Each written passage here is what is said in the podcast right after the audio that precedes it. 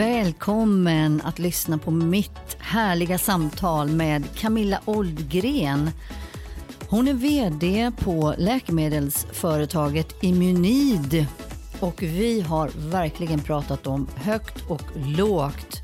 Bland annat eh, så har vi eh, pratat om hur hon ja, men utmaningarna med att ta sig an att jobba på ett läkemedelsföretag där du behöver få ihop eh, den vetenskapliga delen självklart eh, med den affärsmässiga.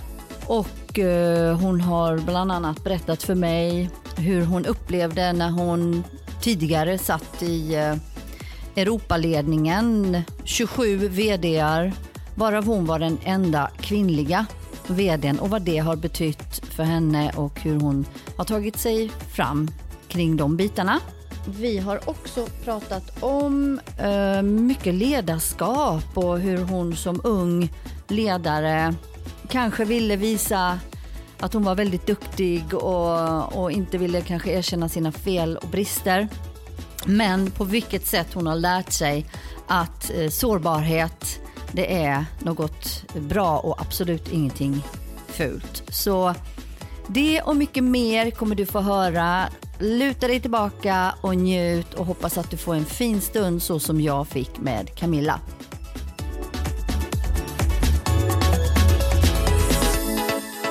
Välkommen hit Camilla Oldgren. Tack så jättemycket. Du är VD på Immunid. I princip hela ditt liv så har du jobbat inom läkemedelsindustrin. Idag jobbar du med läkemedelsutveckling. Du eh, är alltså, du, du tog lite senare också en MBA. Och med det så har du halva är du vetenskaplig och halva kommersiell. Och du är också ja, utbildad apotekare, det sa jag va? Mm, Bra. Sa du. Är det, var det korrekt? eh? Helt korrekt. Helt. Och den beskrivningen kan man faktiskt säga är, är kanske också en spegling av vem jag är som person. Ja. Att jag har liksom ett intresse i det här vetenskapliga och fakta och ska försöka förstå det i min bransch. Men samtidigt så drivs jag väldigt mycket i den här kommersiella, liksom Affärsmässiga. affärsmässiga, precis, kontakt med människor och allt det här. Ja. Så att det blir liksom en bra kombination. Ja, det är det. Men hur, hur blev det det här med den här industrin? Hur halkade du in på det? Ja, egentligen hade jag bestämt mig som barnsben att jag skulle bli läkare. Ja. För min morfar var doktor. Och eh, jag hade satt liksom fokus på det. Men sen när, precis när valet skulle bli på till universitetet så sa min morfar att hmm, ska du spendera så många år innan du kommer dit du ska, det vill säga att jag ville bli barnläkare. Av en händelse bara så träffade jag en apotekare som jobbade internationellt och jobbade just med det här. Det är lite faktabaserade men jobbade väldigt mycket också med människor och fick resa och då kände jag här har vi en kombination som passar mig. Så så började jag. Ja. Så jag hoppade på en utbildning där jag inte visste egentligen vad, jag, vad det innebar. Nej, nej. Och sen så har du ju gjort, du har ju gjort ganska mycket inom läkemedelsindustrin. Och, och den är ju väldigt, väldigt samtidigt också väldigt reglerad ju. Mycket. Och det, det måste det ju vara. Men ehm, när man är också kommersiell och affärsdriven, blir inte det lite en... eh, eller vad ska jag säga? Alltså, du förstår vad jag En menar. utmaning kan Ja, en utmaning så Ja. ska jag säga. Ja, ja, ja. Alltså, vi är ju en bransch som är som du säger extremt reglerad och det är ju mycket som vi måste verkligen beakta. Dels naturligtvis när vi ska lansera produkter, läkemedel då, till patienter så klart att de måste vara säkra och lova det vi säger att de ska ut, ut, eller verka då helt enkelt. Men sen är det ett regelverk runt hur vi beter oss. Alltså det här med att liksom vi får inte bli anklagade för mutor, vi har stränga regler när det gäller hur vi ska umgås med sjukvården och så vidare. Och då kanske det gör så att vi blir och kan betraktas som väldigt stelbenta. Och då gäller det att vi försöker hitta de här spåren för att kunna interagera med våra kunder då, som är ju sjukvården. På deras premisser, men på våras premisser. ja. Och då kanske det gäller att man är lite kreativ och funderar på hmm, hur gör vi det här till ett bra samtal med Just kunden? Mm. det, just det, precis. Men, men du, och, och eh, jag tänker på lite mer också som du som, som person då. Vad, vad, vad liksom... Eh, du, du valde ju den här MBA också efteråt. Mm. Vad var anledningen till det? För apotekare och sen MBA. I normala fall, jag kanske har lite en förutfattad mening, men det, ibland så kanske inte det är helt två kombon som man ser. Nej, det Nej, stämmer nog. Alltså, majoriteten av- en apotekare, det är en lång utbildning. Ja. Och då kanske man har bestämt sig att man vill antingen jobba på apotek eller inom forskning. Så.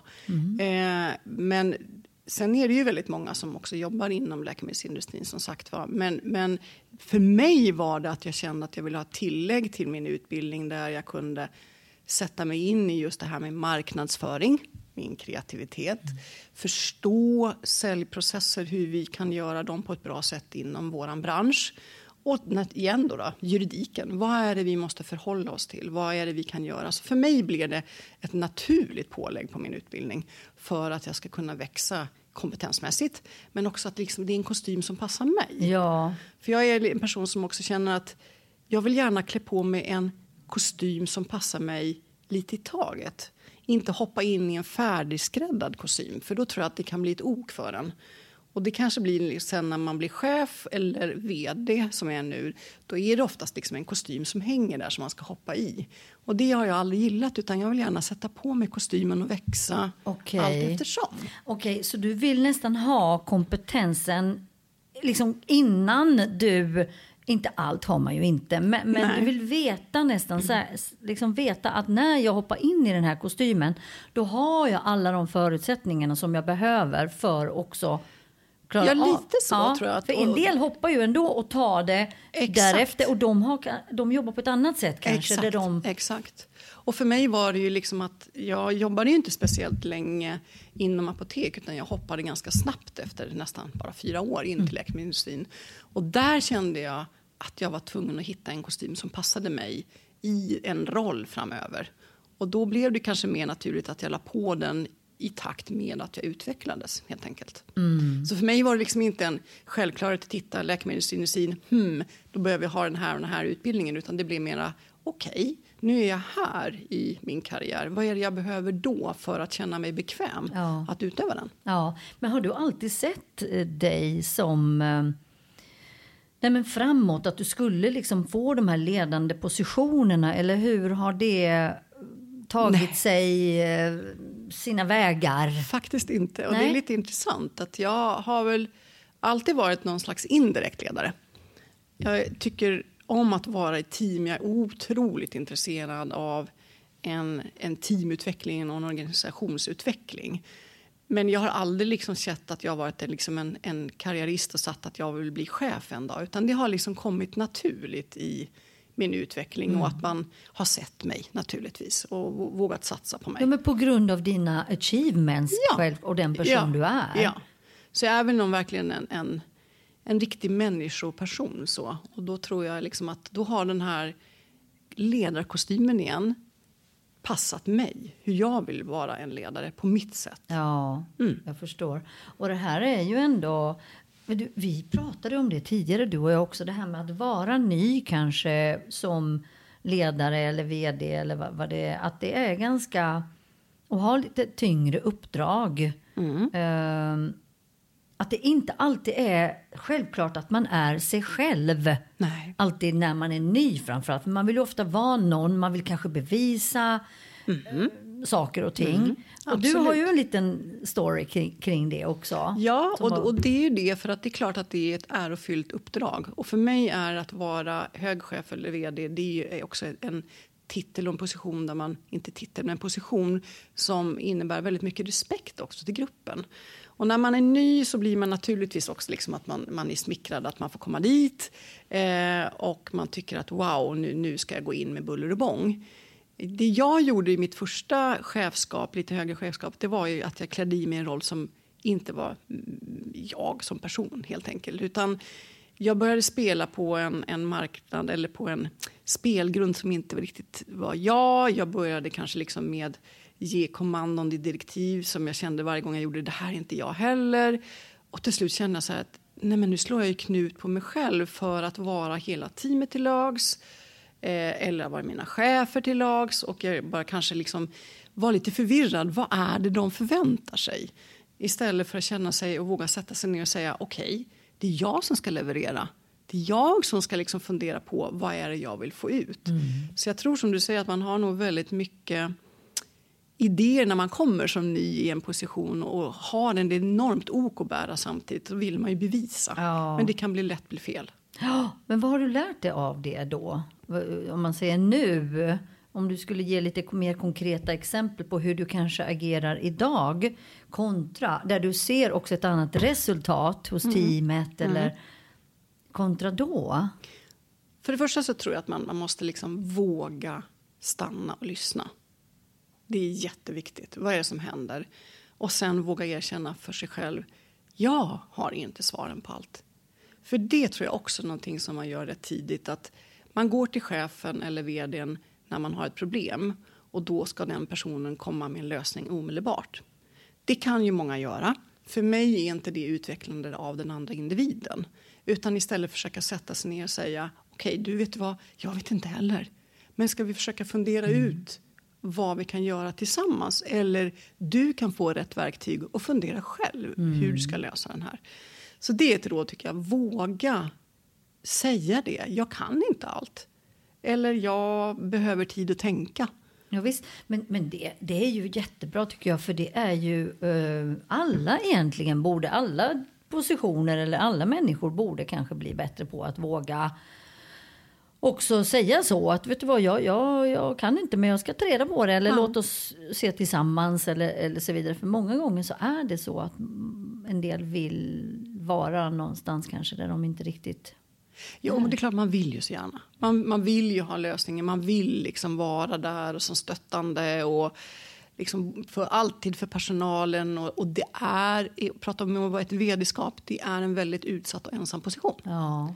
Och då ska du försöka ställa upp där hela tiden för din personal. Och det ska man kanske inte riktigt göra alltid, utan du ska nog våga visa också att du är sårbar. Ja, men det är ju också, då kommer vi in på det här igen, som vi har nämnt eh, när vi pratade sist, det här med manligt och kvinnligt. Mm. För vi kvinnor, eh, jag vet inte, men jag kanske generaliserar nu, men det här med sårbarhet, tycker vi att män på ledande positioner är bra på att visa sårbarhet och är vi det i de positionerna. Jag skulle säga att jag tror att kvinnorna kanske är lite bättre på det, mm. att visa mm. sårbarheten.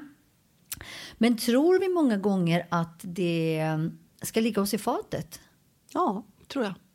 Dels så kan det vara hämmande för dig själv att du vill kliva ur den rollen och inte alltid vara den lyssnande, empatiska som man sätter på epitet då, mm. på det kvinnliga ledarskapet, om vi nu kallar det. Jag är lite mer för att vad det ska vara för att man har en bra ledarskap. Men det är klart och lätt att man faller in i den. Och då tror jag att vi sätter upp barriärer själva för oss. Att vi liksom visa om du är sårbar, ja men gör det. Om du har den personligheten, kör på det istället. Och där kan jag väl naturligtvis hålla med dig att det kanske inte är så jättemånga män som vågar visa sig sårbara som chef. Men de som gör det, i alla fall för min personlighet så känner jag bara wow. Jag med. Ser upp till dem på ett helt annat sätt ska jag ja. ärligt säga. Men jag tror att vi kvinnor kanske ibland kan fundera lite grann också på att ta det till något positivt. Men ibland också vad är det för käppar vi sätter i vårt eget hjul. Mm, ja, men så är det. Men du det här med hur ser det ut på inom läkemedelsindustrin? Du är väl ganska ensam vd, kvinna på, på toppen i, i liknande är det inte så eller? Det har blivit en förändring i Sverige, vilket är väldigt roligt att det har kommit väldigt många kvinnliga vdar. Eh, men tittar du på Europanivå så är det ytterst ovanligt. Eh, mitt förra jobb så var jag, satt jag med då i Europaledningen och då var jag ensam och så var det 27 män. Och det är klart att det påverkar mig. Det är hela klart. tiden. Hur då? Ja. Berätta, för det här tycker jag är så spännande. Och vi ska absolut inte, vi menar ju inte alls att liksom dissa män på något sätt, nej, eh, alltså nej. generellt så. Men nej. det är fortfarande så intressant. Av 27 män är en kvinna. Ja. Och där tycker jag i sådana fall att vi ska blanda in att det är olika kulturer. Också. Vad man har för erfarenhet från sina egna länder och vad man har för acceptans för olika manligt och kvinnligt och kvinnor i, i ledarskapspositioner, ledarpositioner så tycker jag att det, det, är så många olika faktorer som man ska titta på. Men det är klart att det blev märkligt ibland, för det blev så tydligt att vissa situationer så var det en självklarhet att jag skulle göra det. Som att till exempel vi ta notat. Som att gå och boka in extra kaffe om det tog slut på i styrelserummet. Nej. Eller klassiska såna här saker. Nej, fick ja. du den uppgiften då? Ja, eller? eller det var ju ungefär som att 27 huvuden vred sig och tittade. Camilla. Alltså, och jag vred huvudet tillbaka och sa att ja, det vore jättegott med kaffe. Nej men Camilla, du det här har inte vi pratat om innan. Nej, och då kanske du, ett råd är att ta det med lite humor. Ja, så man ska... går det bättre. För att jag tror vi kvinnor då är rädda att säga ifrån där så kanske jag blir uppfattad som en riktig bitch. Ja men egentligen då? Va, va, va, och, ja, men jag har ingen... Ska jag, jag har ingen kaffe eller liksom reserveringspersonal här. Nej. Nej. Det kan man väl säga om ja. de tittar. Varför tittar ni på mig? Men då kan det bli den där kommentaren, ja vad du blev sur då. Eller någonting som ja, kanske man är rädd för. Men istället för att göra något skämsamt av det istället. Ja, ja, det finns ju faktiskt många bra sätt att, att hantera det. Ja. Men jag antar att du har behövt att hantera just det här. Väldigt mycket. Ja, Väldigt men, mycket. men är det lätt att man inte pallar heller? Alltså ja. ibland så... När det...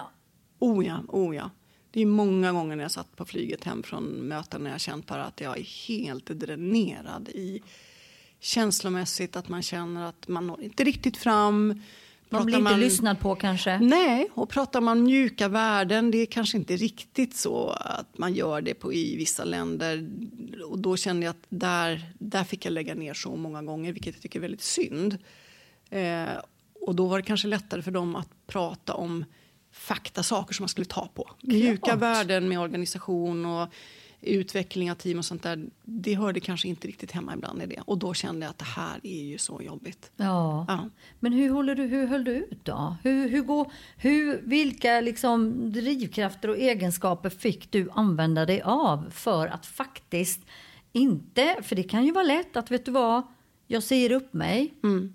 Eller att du går hem och inte mår bra, verkligen, och mm. inte vill komma till jobbet dagen efter. Alltså, det här är ju ingen överdrift, för jag kan mycket väl tänka mig att det kan vara så. Ja.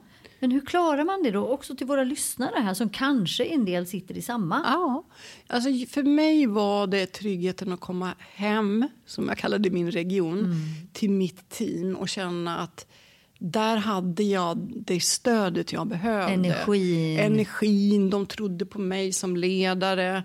Jag hade några bundsförvanter också i Europaledningen som jag kände att jag hade, det jag sa blev förankrat hos dem. De gjorde något liknande och vi hade liksom en dialog att jag tog saker som naturligtvis de kom som var väldigt bra.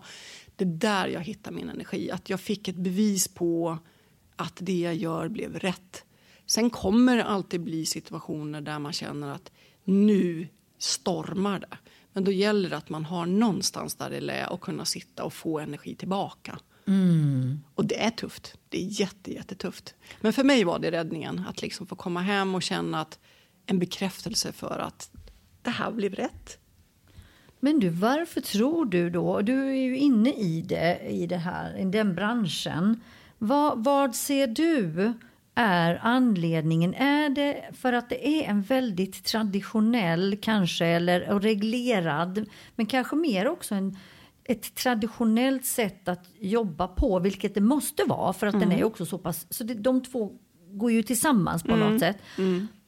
Att det är så mycket, så stor, väldigt stor skillnad med att det sitter män och kvinnor på de här positionerna.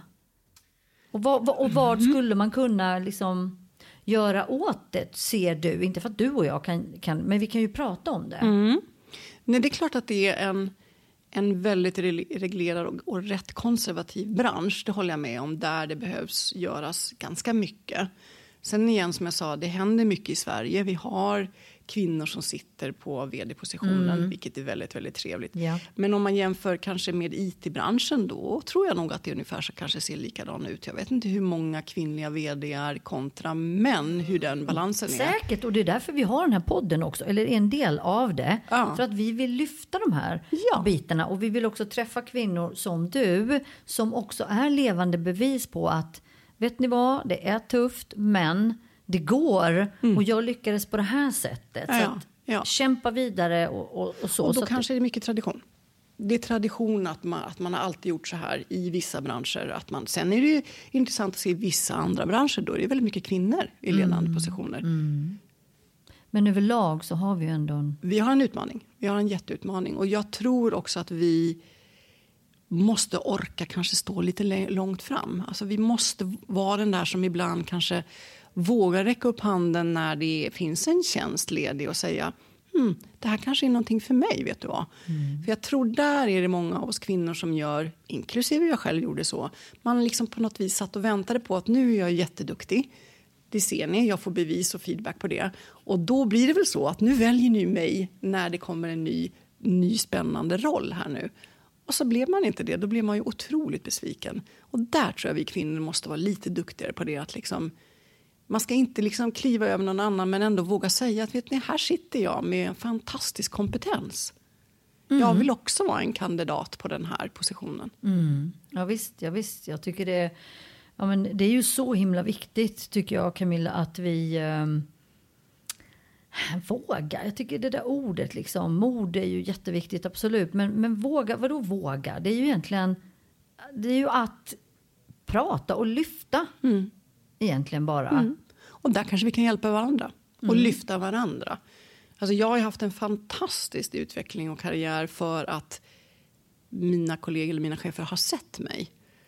Eh, men jag tror att där kan vi hjälpa varandra också och ge stöd åt varandra genom bara som du säger det här, kanske ett sånt här bra samtal att känna var kan jag hitta stöd? Var kan jag hitta den här tryggheten när jag nu vill göra någon förändring? Som är en förbättring som vi pratar om ja. också, vilket är kul. Att man känner att hämta kraft och energi från någon annan. Ja. ja.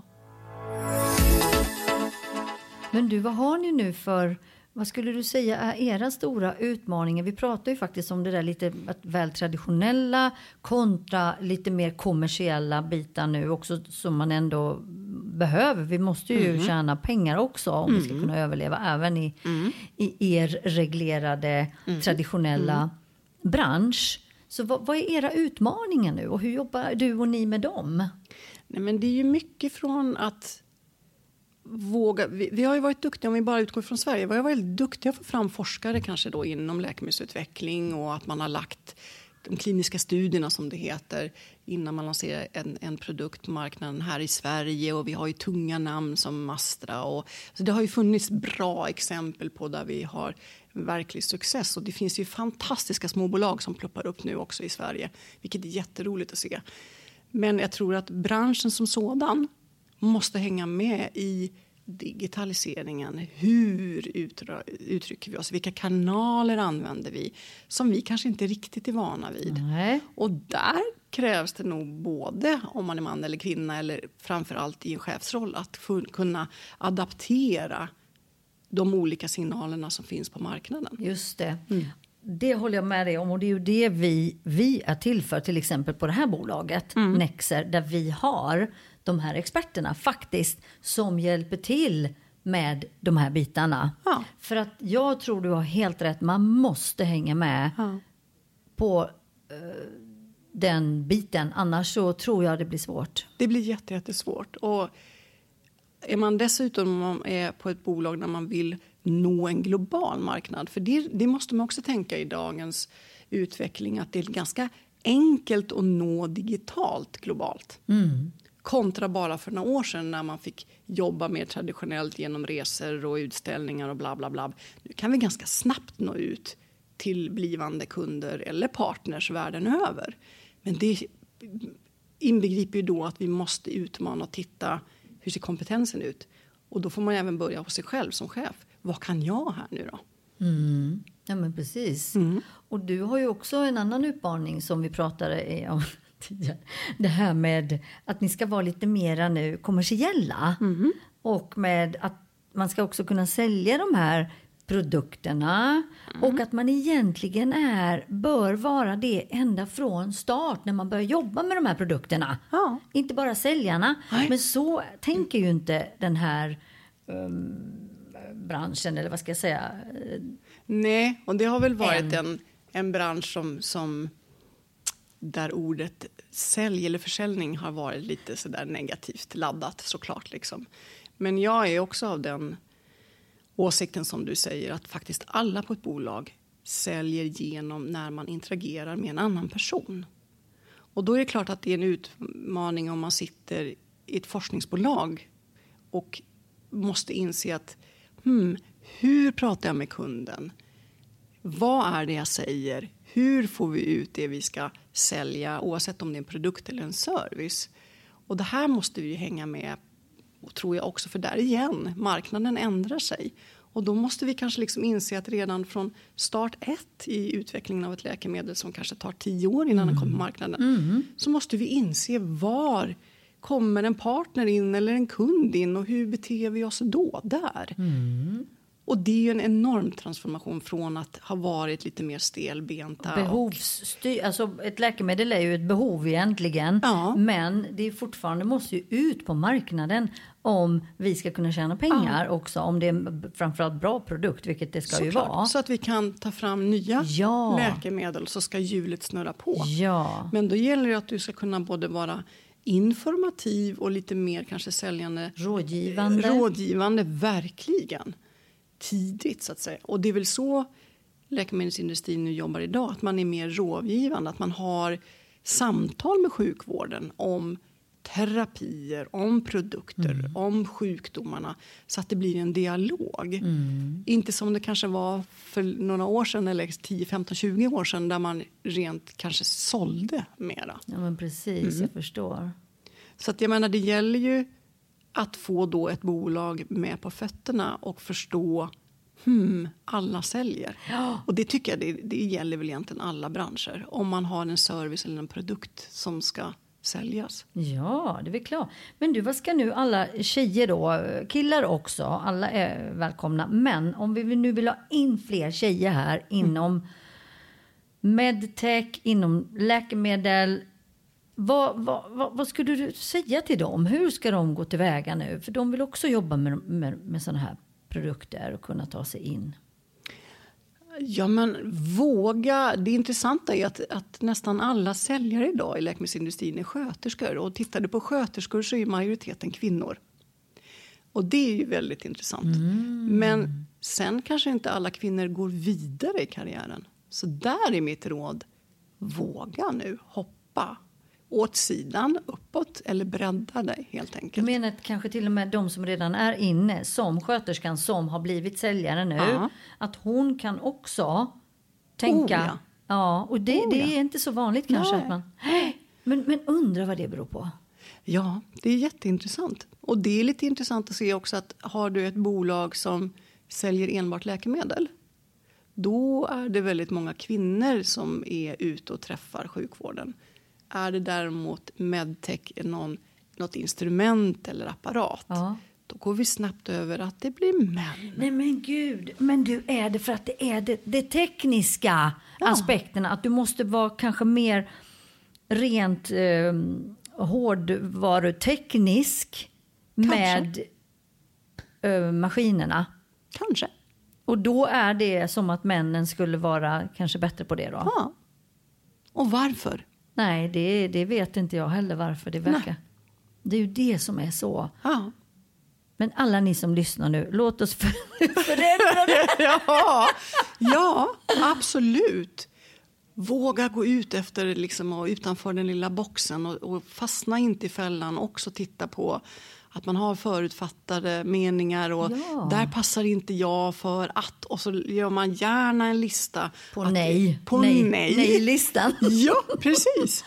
För du vet väl inte om du aldrig provar? Nej. Men du, har då branschen ett ansvar förutom att jag som individ har ju mitt eget ansvar att, över min, min liksom väg.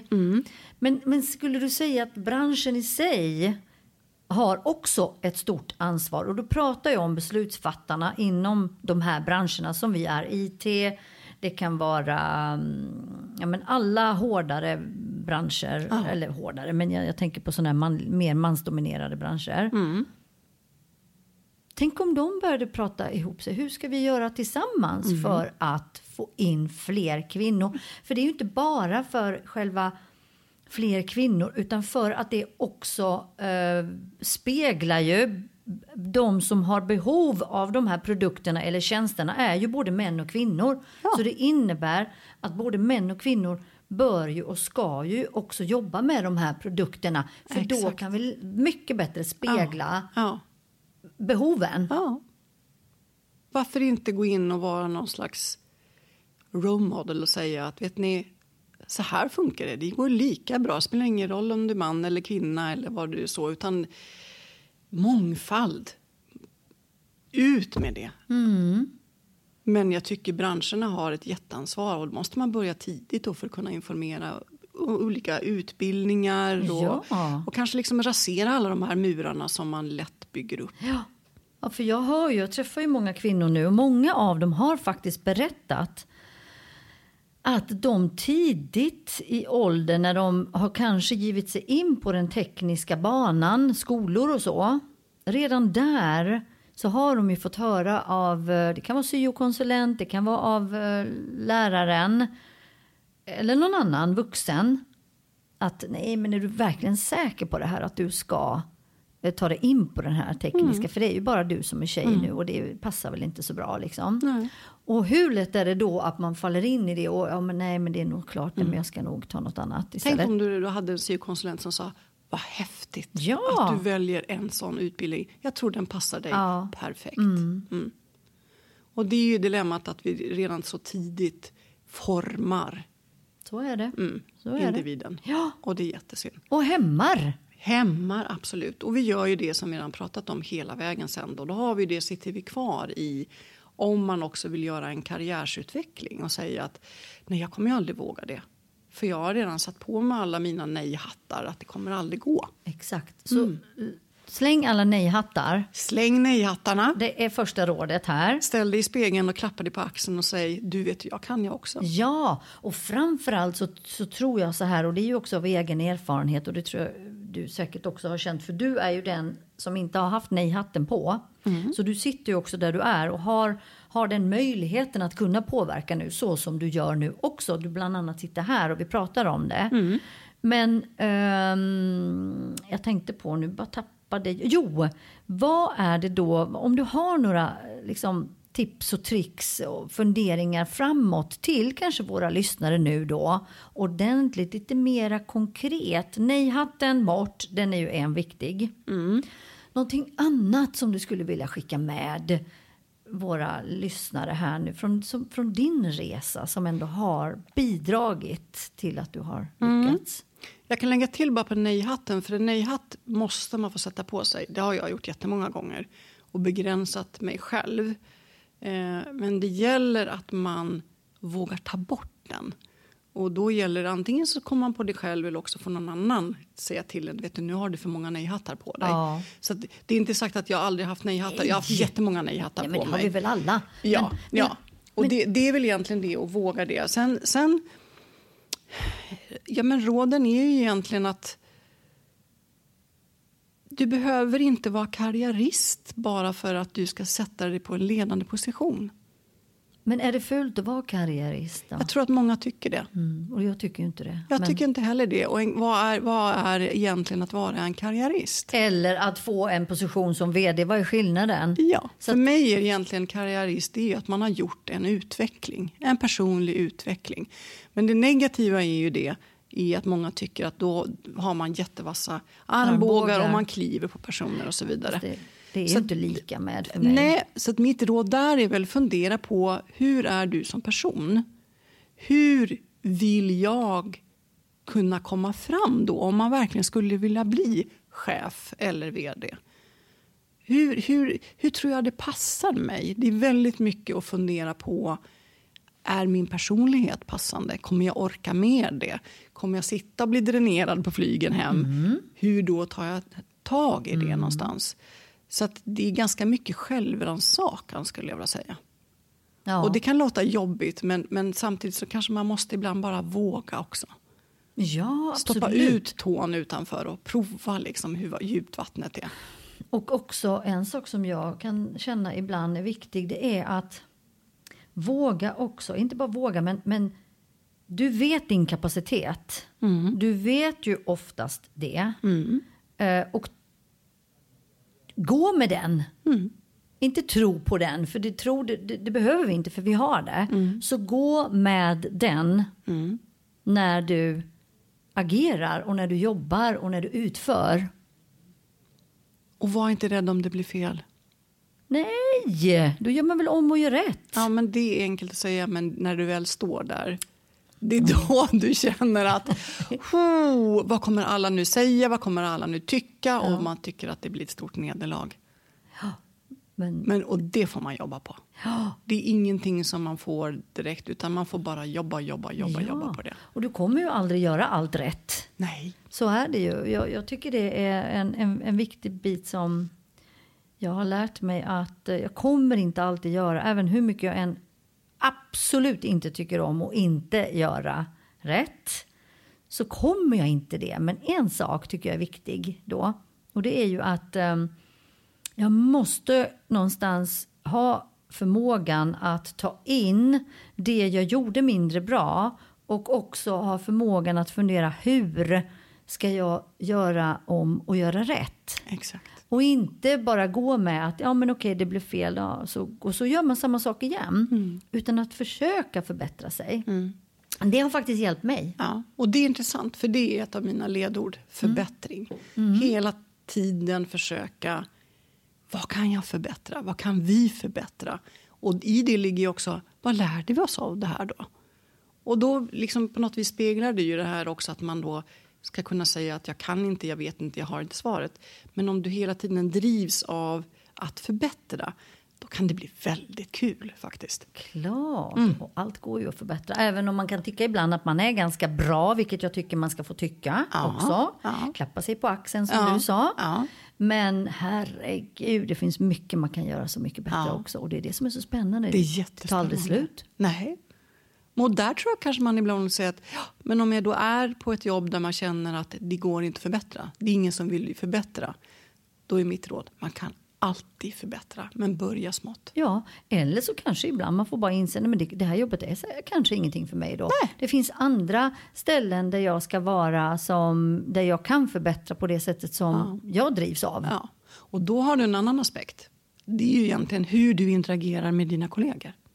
Och känner du där att du inte får utlopp för din kreativitet eller att du får energi tillbaka, för det måste man ha, då är du inte på rätt plats. Nej. Nej. För det kan faktiskt vara att det är ett ställe där du får förbättra, men du känner att du klickar inte. Nej, Då, blir det ju, då springer du in i ett hörn och så står du där. visst. Och Mm. där har ju alla sitt ansvar. Det är ju inte bara mottagaren, det är jag själv också som Ja. har ett ansvar. Att, Ja. Att liksom, men, det, ja, men du ser, det finns ju hur mycket saker som helst som vi skulle kunna prata utifrån det här med ledarskap och utveckling. Och, Ja. För det är ett spännande ämne och, Mm. och det finns massvis att göra. Inte bara i er bransch utan i allas Mm. branscher. Men just att vi, vi kan förbättra oss ännu mer också om vi blir Oh, ja. mer mångfaldiga i våra organisationer. Ja. Oh ja. För, För då speglar vi, ju vi verkligen. berikar och vi speglar vad marknaden vill ha. Ja, absolut. Så det kanske ska bli vårt lilla slutord nu då, Camilla. Ja, Verkligen, alltså det var otroligt fantastiskt spännande att, att få höra lite hur ni jobbar och om din resa och vem du är. Och jag är jättetacksam att jag har fått träffa dig och att du har kommit hit och ville dela den här stunden med mig och med ett antal lyssnare förhoppningsvis. Tack så jättemycket för att jag fick komma hit. Ja, tack. Tack.